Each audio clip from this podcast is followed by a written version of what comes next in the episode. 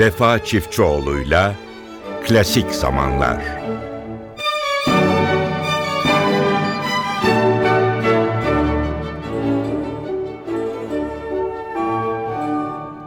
Merhaba değerli dinleyenlerimiz. Yine sizlerle birlikteyiz. Klasik zamanlarda ve bugün ünlü bir operanın içindeki dans parçalarıyla programımızı açmak istiyoruz.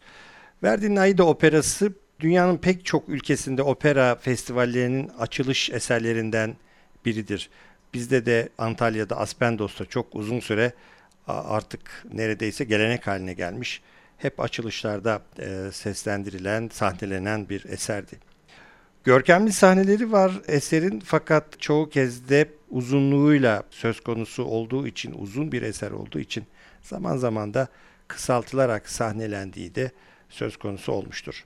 Özellikle üçüncü perdedeki o uzama, son perdedeki o mezarlık sahnesi Aida'yı 4 saat boyunca artık bir müddet sonra izleyicileri yoran bir hale getiren bir eser haline sokmuştur. Ama o ilk iki perdedeki görkem ve konunun mistik bir ortamda geçmesi her zaman için Aida'yı çok sevilen bir eser yapmıştır. Zaten ilk seslendirilişi de Kahire'de yapılmıştır bu operanın. Biz sizlere operadan sahneler, dans sahneleri sunmak istiyoruz. Daha doğrusu çok sevilen 3 e, bölümü sunmak istiyoruz. Herbert von Karajan yönetimindeki Berlin Filarmoni Orkestrası sizleri şöyle bir Aida'ya götürsün.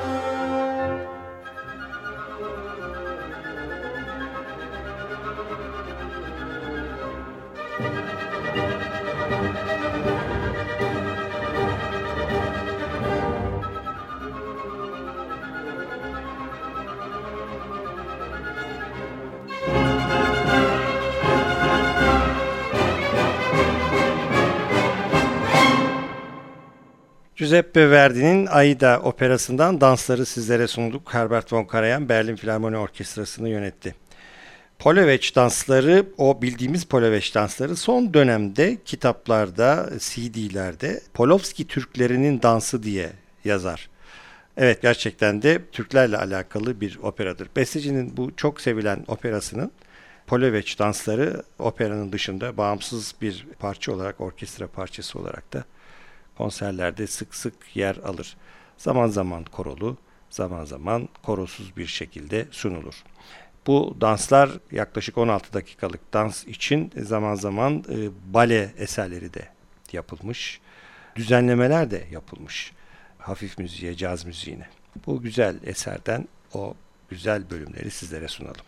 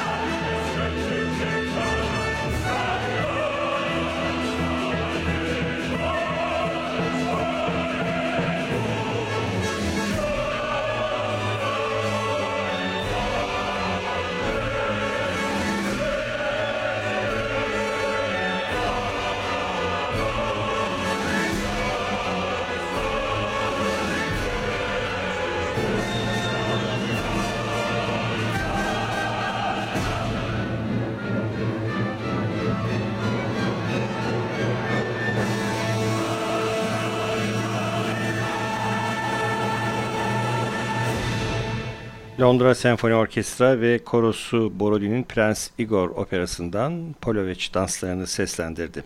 Klasik zamanlar devam ediyor değerli dinleyenlerimiz ve sırada Jean Sibelius var. Zaman zaman tartışılır değerli dinleyenlerimiz. Jean Sibelius'un müziği milli karakterler, ulusal karakterler içeriyor mu, içermiyor mu diye. Elbette buna sebep olan şeylerden biri e, Fin ulusal müziğinin, daha doğrusu Fin ulusal marşının Sibelius'un eserlerinden alınmış temalar üzerine oluşturulmasıdır. Aslında Sibelius bu marşın bestecisidir. Diğer eserlerine bakıldığı zaman bu tartışma şunun için yapılır. Aslında besteciye bakıldığı zaman Fin ulusal efsanelerinin e, ve e, hikayelerinin üzerine kurulur. Özellikle Calavera isimli Fin ulusal destanının mutlak surette besteciyi pek çok eserde etkilediği görülmüştür. Yorumcular şöyle diyor. Can Sibelius her ne kadar bu tarz eserler e, yazsa da aslında içerisindeki her tema onun ulusalcı ruhu, milliyetçi ruhunu yansıtan tınılarla doludur der. İşte onlardan biri Karelya. Karelya'nın elimizde tüm orijinal versiyonu var.